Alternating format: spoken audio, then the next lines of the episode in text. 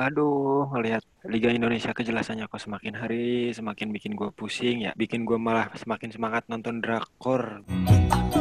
Anak TK aja udah tahu Barca bakal kalah gitu lah. Sampai tempat nobarnya ternyata itu tempat nobarnya Madridista. Makanya gue curiga ntar di surga kayaknya bakal minta rental PS nih bukan bidadari. Ya sebagai profesional ya udah game is game gitu. Gimana ya orang ambisius macam Ronaldo yang suka dengan rivality pas seharusnya reunian malah positif. Pemain bola itu ya nggak 24 jam ngomongin bola gitu. Tapi ada hal-hal yang dilakukan seperti Rashford ini, aktivisme sosial. Ya ternyata keras ya kehidupan di Inggris, nggak jadi pindah negara gue. sepak bola itu kan mayoritas klub itu berdiri dari kegiatan politik sebenarnya.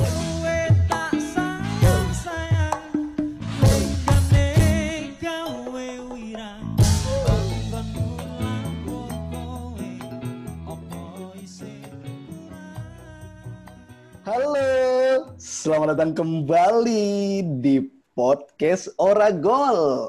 Ini episode perdana setelah kemarin kita melakukan percobaan. Ternyata mantap ya. Iya, Alhamdulillahirabbil alamin. Yoi, gimana nih bersama saya uh, Faris dan masih dengan full squad ada masih dengan gue Fahri yang nggak bisa berisik karena lagi nginep di rumah calon mertua. Ya ampun. Gimana? Asik dan sama gue Fikri. Eh, enggak, gue pengen basa-basi dulu nih nanya kabar kalian berdua semingguan ini apa aja nih yang kalian lakukan sebagai fans bola? Kalau gue sebagai fans bola, gue bersyukur di sepertiga malam terakhir Milan 22 partai tidak terkalahkan. Mantap sekali. Wih. Mantap ya. Iya, iya. Terus gimana, nih? Milan itu harusnya pas lawan Roma itu itu duel tim yang belum terkalahkan. Cuman pertandingan sebelumnya Roma kalah konyol sih gue lihat highlightnya itu. Hmm. Tapi akhirnya berhasil nahan imbang juga. Padahal Roma waktu itu mainnya ngotot kayaknya ya. Iya, iya. iya. Biasalah kalau big match kan suka ada energi berlebih gitu. Tapi itu cukup hasil yang cukup adil lah tiga-tiga itu. Iya, iya. Kalau, kalau Pari gimana nih? Seperti biasa masih, aduh, ngelihat Liga Indonesia kejelasannya kok semakin hari semakin bikin gue pusing ya, bikin gue malah semakin semangat nonton drakor biar terhibur. Lah katanya Indonesia. Lah katanya udah fix diundur sampai 2021 itu kabarnya. Itulah dia. ini ya, iya, ya, iya, iya. nih yang yang yang udah fix udah fix buat PSSI itu ya. Itu kalau 2021 ya 2022 lah jadinya. Orang kemarin mau bilang kapan September apa kapan itu kagak jadi. Jadi nggak usah berharap. Apalagi diundurnya nih kalau diundur 2021 tepatnya aja bikin galau apalagi nanti kayaknya kagak bakal tepat. Nah, yeah, tapi yeah kalau buat pertandingan-pertandingan liga-liga Eropa gimana, Ri? Lu Liga Eropa apa gue bilang kemarin El Clasico Barca pasti dibantai kalau nggak seri ya kan? Ingat gak tuh bahasan kemarin? Seorang analis amatir aja bisa ngelihat itulah iya. kena itulah bukti bahwa Barca emang ibaratnya gini anak TK aja udah tahu Barca bakal kalah gitu lah. Jumawa Anda ya. Enggak. Eh, gue tuh, saya seneng. Gue tuh kesan gue gini kemarin itu. Jadi itu kan abis kita eh, beberapa hari setelah kita rekaman episode kemarin ya. Itu hari Sabtu kan malam Minggu kan. Malam Minggu. Jadi ceritanya gini nih, gue, gue cerita dulu deh. Gue kan sekarang gara-gara apa ya ada social distancing gitu kita jadi sering kali menghindari keramaian gitu nongkrong nongkrong jadi dikurangin akhirnya gue install aplikasi date up eh apa date gitu aplikasi apa sih date date apps gitu ya gue install aplikasi Tinder. Wes. iya kan? Ya buat hiburan aja gitu. Buat seru-seruan gitu. Nyari, nyari, nyari, nyari. Ternyata ada yang match. Ada yang match. Chatting, chatting, Nonton chatting. Madrid. Enggak, enggak, belum. Chatting, chatting, chatting. Terus, Oh enggak. wah kayaknya seru nih di chatting nih gitu. Pas, pas-pasannya eh, malam minggu, terus kita kayak yang merencanakan meet up gitu. Ngopi yuk, ngopi, ngopi, kita akhirnya ngopi. Nah, menurut gua hari itu adalah hari paling sial. Kenapa? Yang pertama itu gua ngalamin pengalaman itu meet up sama orang yang dia itu telah melakukan pembohongan publik di aplikasi tweet, eh, Tinder. Apa bohongnya anjau? ya di aplikasi sama di realita beda gitu aja beda jadi ya ampun gitu Terus terus di aplikasi dia pasang foto Lady Gaga gitu. Terus aslinya ya pokoknya beda lah saya tidak mau mendeskripsikan lebih lanjut yang itu kan Iya. apa bikin kita ekspektasi kan punya ekspektasi. Terus ternyata realitanya bukan apa ya bukan lagi apa namanya beda tipis tapi beda jauh gitu. Kayak Barca dibantai sama Munchen gitu loh beda jauh lah gitu. Aduh gimana ini? Akhirnya kita ngobrol-ngobrol tapi gue nggak mau ini dong. Maksudnya nggak mau kan emang niatnya cari teman gitu kan. Kalau emang karakternya sifatnya seru gitu enak ngobrolnya ya ayo aja gitu. Tapi akhirnya kita tetap ketemu dan ngobrol-ngobrol gitu ngobrol-ngobrol ngobrol-ngobrol. Cuman gara-gara kebawa sama rasa ini ya anjing underestimate gitu. Wah gimana nih gitu. Akhirnya cari-cari cari-cari alasan buat segera menyudahi pertemuan itu gitu. Nah pas-pasannya itu kan malam minggu ada El Clasico gitu akhirnya gua ini ngechat teman-teman. Kebetulan si si tukang Madrid nih si Sidik editor kita dia ngajakin nobar. Eh nobar yuk gitu. Nobar di mana? Ada gitu tempat nobar. Ya udah gue ikut kan gue ikut. Terus dia sok-sokan udah nanti ATM-nya gue bayarin ATM-nya wah baik juga dia kata gue wah kata gue terobati lah gitu. Oke nonton El Clasico. Nah sampai kosan dia kita bawa satu motor doang motornya dia kan gue bonceng set sampai tempat nobarnya ternyata itu tempat nobarnya Madridista kan dan lu pakai baju Barca enggak? enggak enggak cuman kan Oh, enggak. Oh enggak, ya? pakai baju Persib. nonton dengan rasa intimidasi kan waduh mereka change change-nya wah ngeri-ngeri juga ya ternyata ya Gua- dan gue baru tahu di situ Barca kalah terus diintimidasi selama 90 menit oh ternyata gitu ya rasanya Iya, iya, iya. Gua pernah tuh, gua pernah. tuh.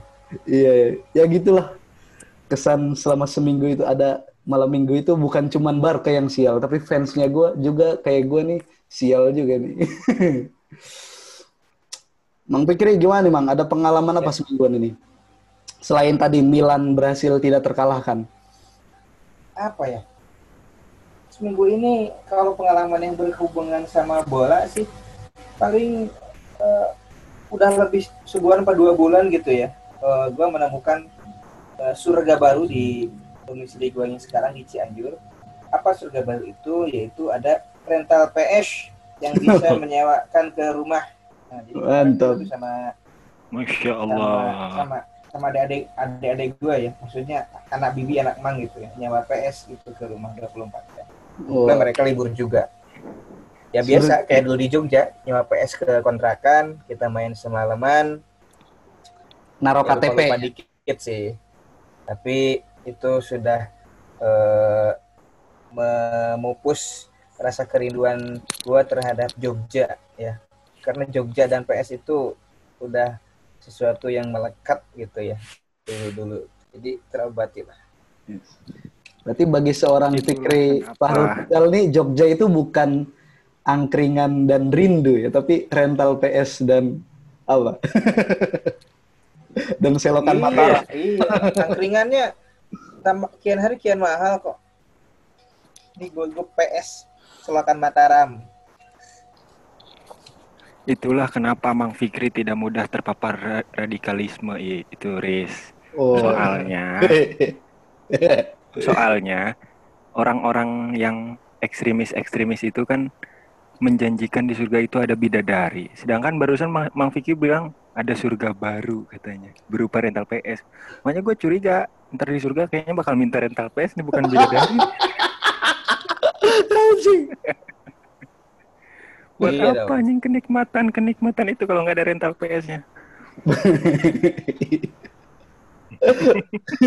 Anjing lucu banget. Iya iya iya iya. Kalau antum sendiri gimana antum nih semingguan ini? Galau nih. Sepak bola Indonesia nggak kunjung mulai. Apalagi?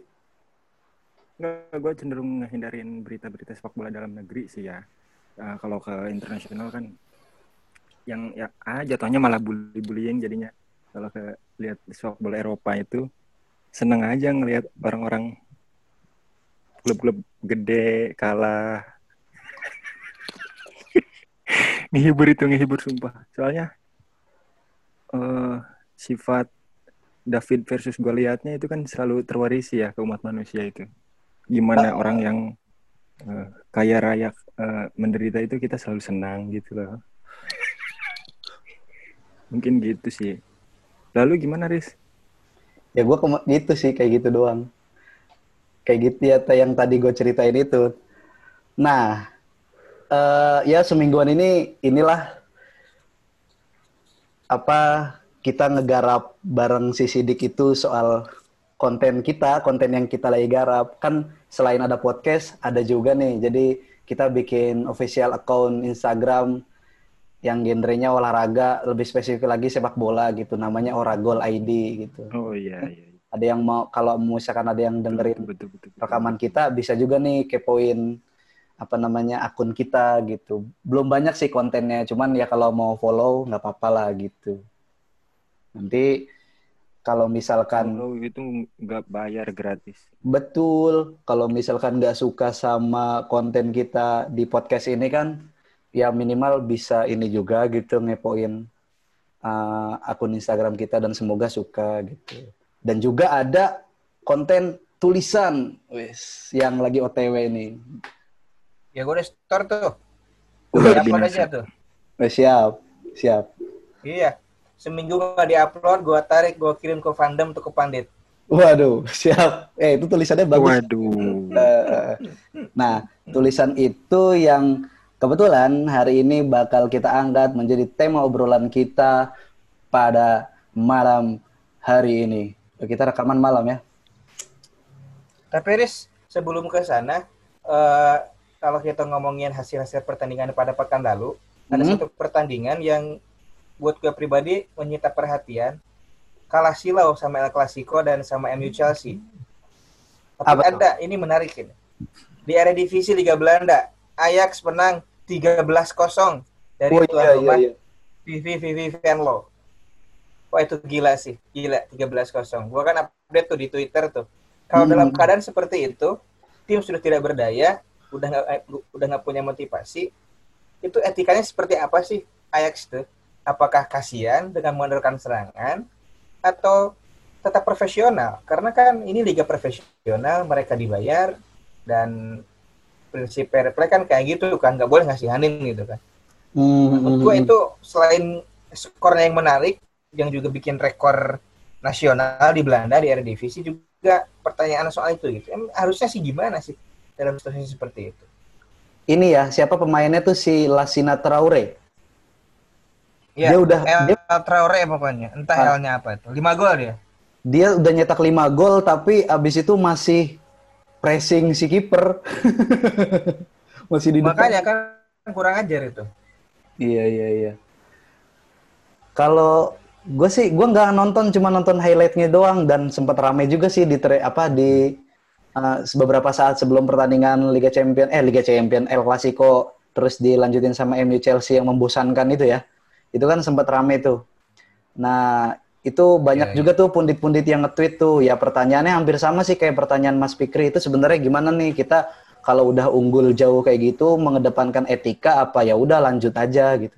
Kalau menurut gua ya sebagai profesional ya udah game is game gitu. Cuman sebagai respect Iya. gitu kan, eh, respect sesama pemain ya mungkin itu ditunjukkan bisa bisa juga ditunjukkan atau apa atau mungkin ditunjukkan pasca eh, pertandingan. 90 menit berakhir nanti si pemain yang berhasil menang gitu ya nyamperin pemain kayak kipernya Ajax kan ngehibur kipernya VVV itu kan.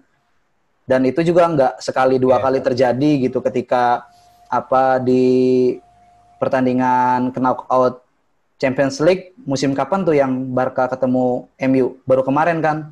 Kan itu pas di kandangnya eh, Barca apa Barca berhasil menang 3-0 tuh. Terus be- apa Oh iya iya. tig- apa satu dari tiga gol yang berhasil cetak Barca itu blunder apa di Gea melakukan blunder. Terus habis itu selesai main kan Ter Stegen datang ngedatengin De Gea gitu ngehibur gitu. Terus ada juga eh, ketika Jerman ngebantai Brazil di Piala Dunia 2014 selesai mereka pertandingan ya habis itu apa respect sam- satu sama lain apa namanya kayak kayak ada David Luiz yang luar biasa kecewanya setelah pertandingan berakhir terus juga Julio Cesar juga yang masih gak percaya anjing kok bisa gue kebobolan 7 gol gitu di ru- di rumah gue ya? iya di rumah gue Di sendiri rumah gitu sendiri deh. di rumah gue sendiri gitu bisa kebobolan 7 gol. Itu kan para pemain juga ya saling apa para pemain Jerman pada ngehibur pemain-pemain eh, Brazil yang luar biasa kecewanya gitu. Kayak gitu ya kalau menurut gua gitu. Nggak tahu kalau Fahri. Gue nggak merhatiin tuh pertandingan itu tuh. Ah, masa. Tapi sih eh, gue setuju sih, ya setuju benar benar dan itu make sense eh, masuk akal. Ya kalau dalam kalau di lapangan sebelum peluit panjang berbunyi ya tugas pemain profesional yang dibayar dikontrak ya bermain se total mungkin. Ya nggak sih? Lalu setelah 90 menit berakhir, nah baru benar yang dikatain Faris. Gue sih setuju. Kayaknya sikap yang paling ideal ya seperti itu. tapi pas Indonesia dibantai Bahrain 10-0 pemain Bahrain ngehibur pemain Indonesia nggak ya itu kan kita kan pernah dibantai juga itu loh Loh, Justru itu Kita kita, memberikan hiburan itu. buat Bahrain. justru kita yang memberikan hiburan. oh gitu Iya iya iya. Kayak misalkan pas pertandingan persahabatan tuh timnas lawan Uruguay kan. Itu kan timnas dibantai juga kan walaupun gol pertamanya dicetak timnas kan sama Boas itu kan. Gol, gol selamat datang katanya. Tapi habis itu ya ketahuan kan mana kualitasnya yang lebih gacor. Waktu itu kan Uruguay predikatnya juara 4 Piala Dunia 2010. Tuh. Iya, iya. Wah, Luis Suarez kan, Cavani main waktu itu. Ya selesai permainan, sel- selesai pertandingan, pemain timnas in- timnas kita malah bang bang tukeran jersey dong. Waduh, nggak ada kecewa-kecewanya ya. Di- Iya. Nah, itu memang udah itu. Udah paling. Eh, Kayaknya seminggu itu kayaknya partai-partai yang cukup perlu dikomentari itu aja paling El Clasico, lalu Ajax yang bikin rekor nasional di Belanda. Kalau buat gue ya. Itu aja nih, ada lagi nggak? Hmm. Gak ada paling. Ini paling apa namanya? Eh, gosip, gosip si Ronaldo nyebut tes swab bullshit. Udah lama itu ya. Baru kemarin, baru baru baru Baru Iya, kemarin. Baru ya. eh, sebelum ya sebelum pertandingan lawan Barca. Gimana ya orang ambisius macam Ronaldo yang suka dengan rivality. Gue nggak tahu kalau dia suka atau nggak, tapi ngelihat be- ber- bermusim-musim di Real Madrid di gitu-gituin terus sama Messi dan malah kayak eh, nggak ada statement resmi apa pun terus kemudian kayak waktu dia awal-awal dapat lagi Ballon d'Or dia pakai nangis dan segala rupanya kayak kayak suka gitu dengan kompetisi pas seharusnya reunian malah positif Kasihan. Iya. tapi habis itu dihapus ya Habis itu dihapus, Iyalah. ah, viral. habis itu dihapus Gak baik buat citra dia mungkin. Manajernya paling yang ngasih tahu. Eh lo tuh tarik Paling lo komen tuh lo. itu kan itu kan ibarat kayak ini ntar dia mungkin entah dia ngelihat eh, jaring sekali ya ntar takut dikasusin sama sama Kapolres Lisbon.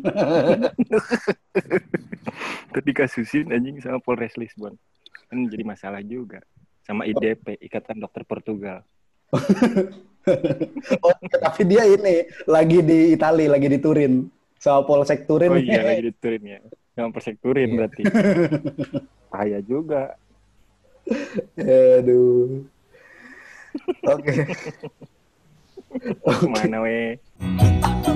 Uh, ngomong-ngomong soal jadi kemarin tuh ada kan di eh, eh, di media sosial itu kan uh, ramai isu soal Marcus Rashford yang apa uh, melakukan kampanye kepada segenap masyarakat Inggris untuk membantu anak-anak yang kurang mampu untuk menjamin ketersediaan atau ketahanan pangan bagi mereka di masa pandemi ini. Sebetulnya Rashford juga sempat menekan parlemen dan pemerintah Inggris untuk penjamin anggaran pengadaan makan untuk anak-anak itu. Tapi ternyata oleh parlemen itu ditolak parlemen yang sekarang di Inggris kan yang menguasai kan partai Tory ya, partainya yang sekarang jadi Perdana Menteri Inggris yaitu Boris Johnson. Tapi ya mau gimana lagi gitu kan, gerakan rakyat nggak bisa dibendung. Rashford lewat media sosial akhirnya mengajak kepada masanya yang di media sosial dan itu bergulir gitu kan. Beberapa brand, beberapa restoran akhirnya eh, apa eh, merespons dengan baik ajakan respon dan pada akhirnya bantuan itu terus mengalir dan kemungkinan besar anak-anak Inggris tidak akan kelaparan di masa pandemi ini. Karena satu hal yang bisa dibaca dari fenomena ini adalah gue jadi ingat dulu ketika media Inggris nanya kepada Jurgen Klopp pelatih Liverpool bulan puasa dua tahun lalu, tahun di mana ketika Liverpool juara Champions League. Waktu itu kenapa lo membiarin Sadio Mane dan Muhammad Salah tetap berpuasa padahal ini kompetisi lagi padat-padatnya nih jelang akhir musim, perburuan gelar juara dengan City, terus menjelang final Liga Champions. Lalu Klopp dengan mantap bilang, ada hal yang lebih penting di luar sepak bola. Nah, gue kira kasus Rashford ini itu Rashford itu bawaan lahiriah sebagai manusianya itu mendominasi kesadaran Rashford untuk memberikan makanan kepada anak-anak. Artinya pemain bola itu ya nggak 24 jam ngomongin bola gitu. Dia nggak mikir 24 jam terus bola terus gitu. Tapi ada hal-hal yang dilakukan seperti Rashford ini, aktivisme sosial.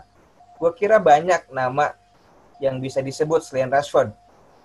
Iya gak sih?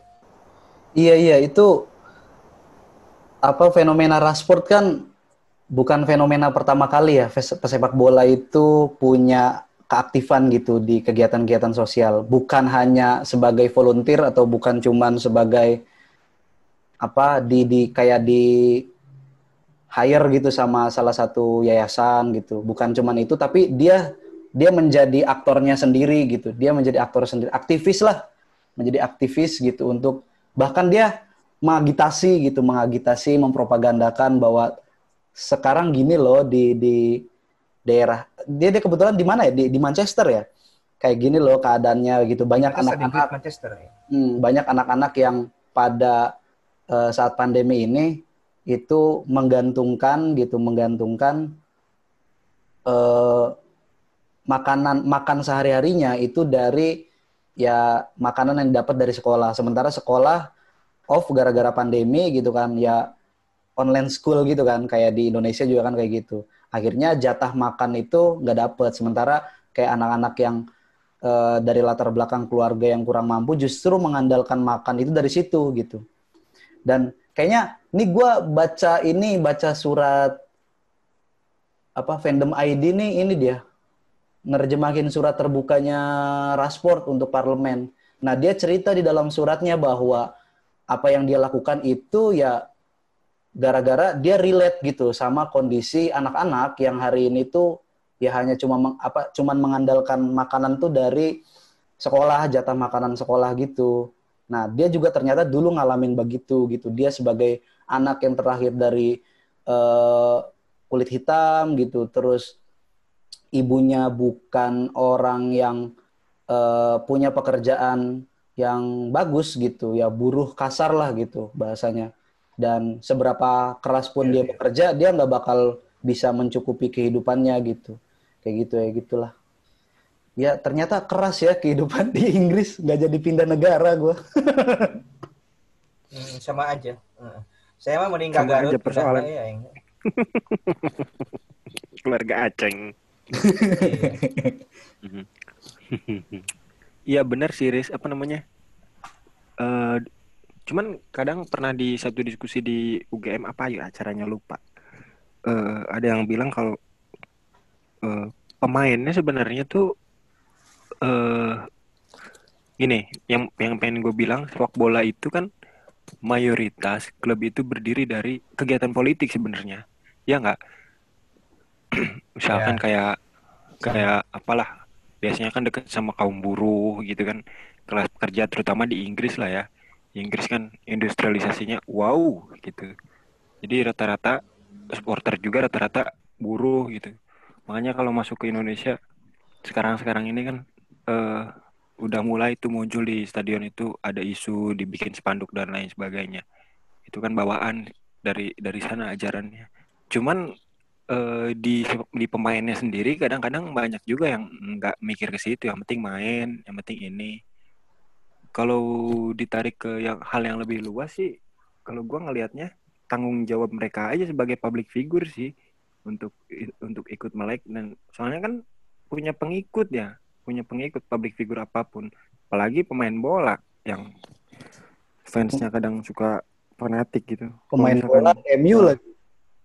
MU lagi. Jadinya apa yang yang yang dilakukan Rashford itu ya terlepas dari salah benar secara politis ya menurut gua ini worth it. Hmm. Selama ini kan yang yang yang hal-hal sederhananya kan kayak kemarin eh, isu isu kulit hitam di Amerika kan banyak yang ikut solidaritas melalui selebrasi kan kayak Marcelo.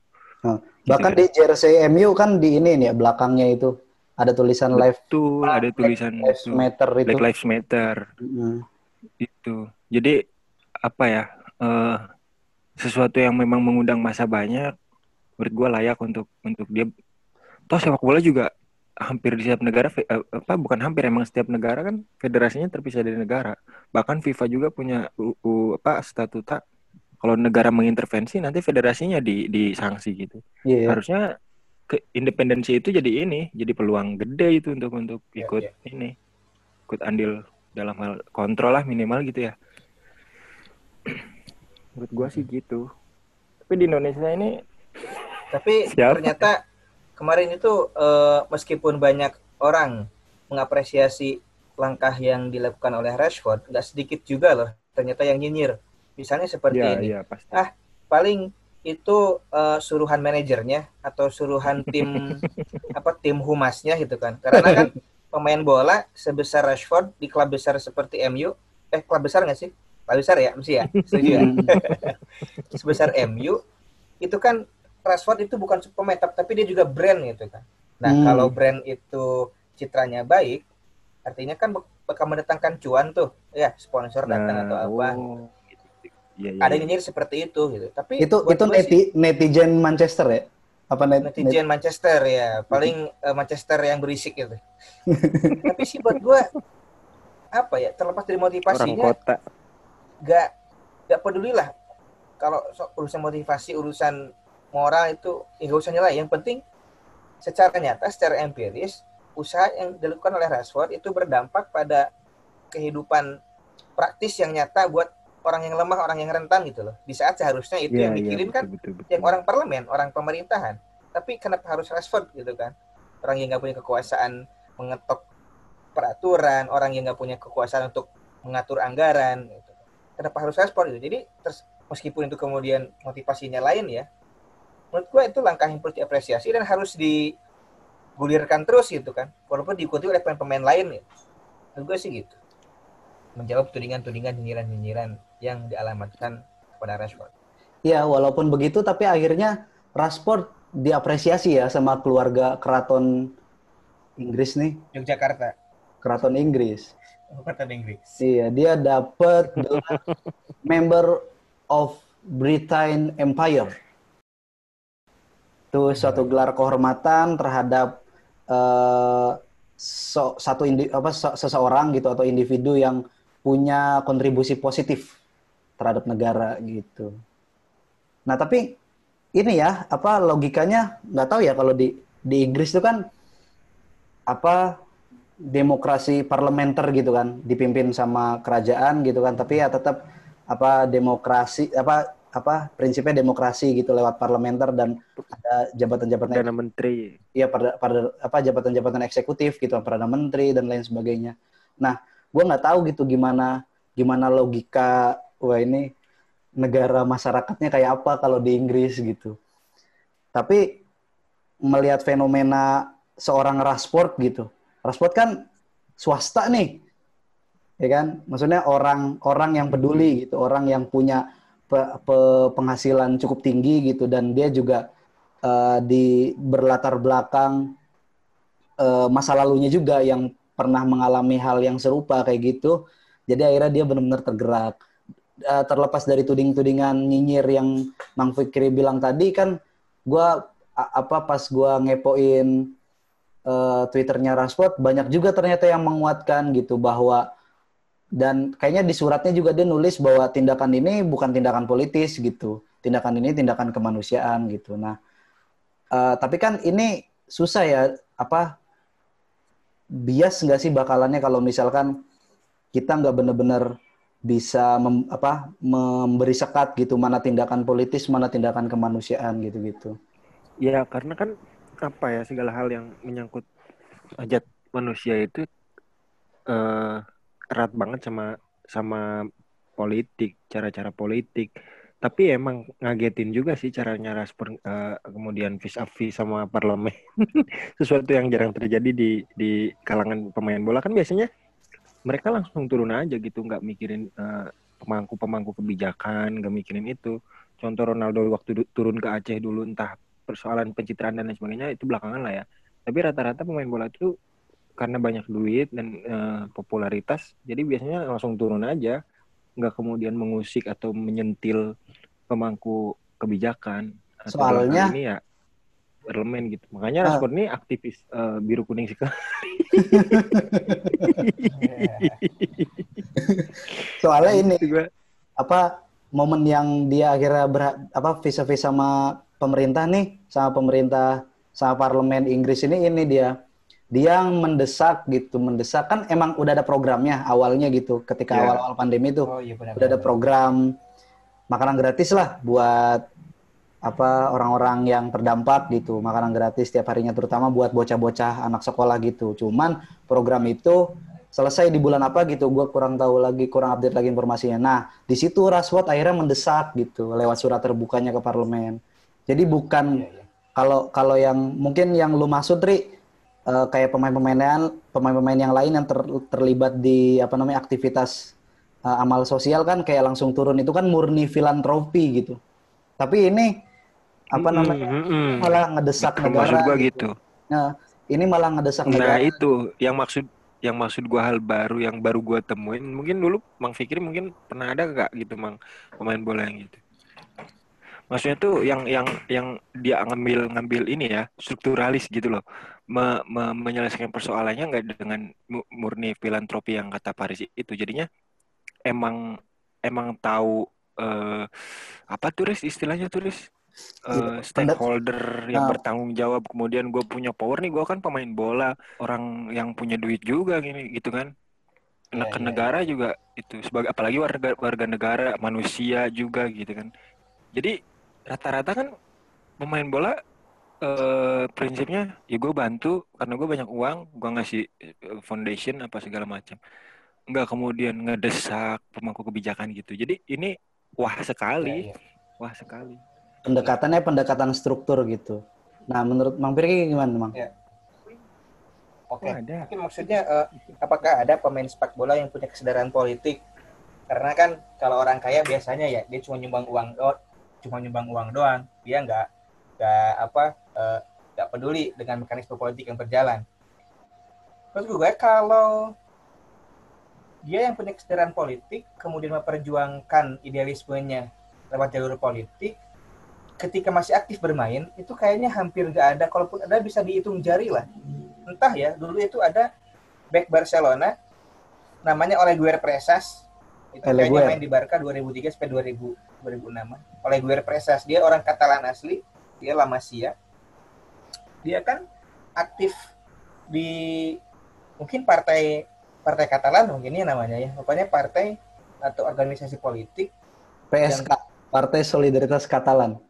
Ah, mungkin PSC PSC, oh PSC. PSC. Iya. Nah itu eh, partai itu atau organisasi itu dia punya haluan untuk memerdekakan diri dari eh, kerajaan Spanyol. Nah, waktu itu kan Oleguer itu sering nulis opini, opini di koran coy. Jadi eh, eh, ini ya ini kan luar biasa kan. Art- Artinya kan dia punya, kesadaran politik itu kan bahwa eh, menggalang opini itu harus gitu. Karena nggak semua orang pemain bola punya pikiran ke sana. Gitu. Nah tapi entah eh, kelakuannya itu, aktivitas politiknya itu apakah dia lakukan ketika masih aktif bermain atau setelah pensiun? Karena kalau masih aktif bermain, gua gua sendiri sih sulit menyebut nama ya, kecuali kalau yang dilakukannya pasca pensiun.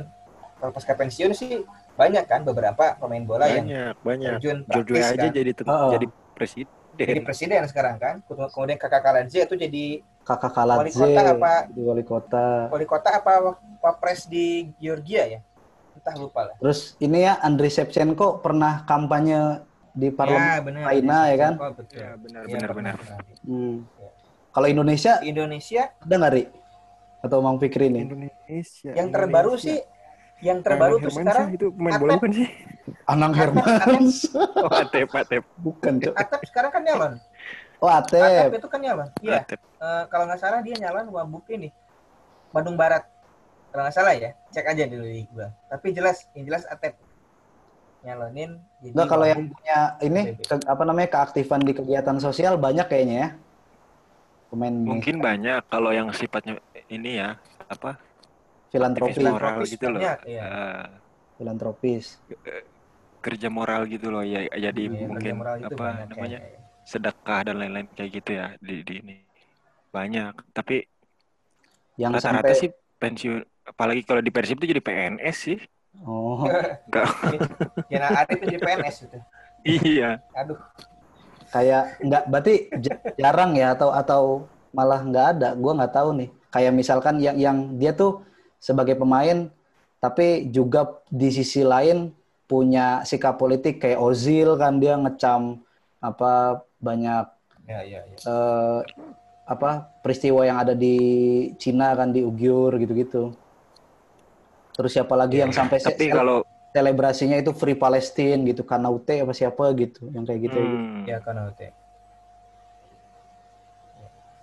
susah sih kalau mau nyari nama pebola di Indonesia yang punya sikap yang sama seperti Rashford. Karena gini Rashford bisa seperti itu Ozil bisa seperti itu karena dia udah selesai dengan kesejahteraan dirinya sendiri mm-mm. ya di Indonesia kan you know lah banyak kasus penunggakan gaji ya gimana mau apa memperjuangkan idealisme politik atau idealisme sosialnya kalau kebutuhannya sendiri aja belum terpenuhi gitu loh. Wong Logikanya itu aja yang Jadi kebutuhannya mungkin- sendiri masih seok-seok Iya, memperjuangkannya itu. betul, betul. tapi kan konsep konsep konsep sedekah tidak memandang miskin kaya. Ya, itu kan filantropis. Kan- filantropis berarti kalau kalau, sedekah. kalau anda miskin kasih yang anda punya gitu kan. nanti akan diganti 10 kali lipat gitu-gitu kan Eh, itu gak materialis itu logikanya. oh gak materialis iya. Waduh ini jangan jangan sampai podcast jadi podcast ini ya agama ya. ya udah back on the track ya. Ya intinya yang jelas gitu. Nah, yang jelas gitu dan mudah-mudahan kita apa semakin disuguhkan ya selain keseruan pertandingan-pertandingan yang ada di era pandemi ini juga pertandingan semakin banyak menunjukkan kejutan dan mudah-mudahan semakin banyak juga pemain-pemain yang kayak Rashford kali ya. Gue seneng sih tadinya gue nggak respect-respect amat sama MU dan pemain-pemainnya. Ini ngelihat Rashford keren. Tapi ngomong-ngomong, Cuman berarti kick out kick politics out of football itu ini juga ya, gak bebas nilai juga ya. Ada ada kepentingan juga di situ kata-kata itu. Iya, betul sekali, sangat sekali. Betul. Eh ngomong-ngomong, Marcus Rashford, kenapa namanya Marcus coba? Orang Medan beliau. Karena dia Kristen, kalau Islam Maskur.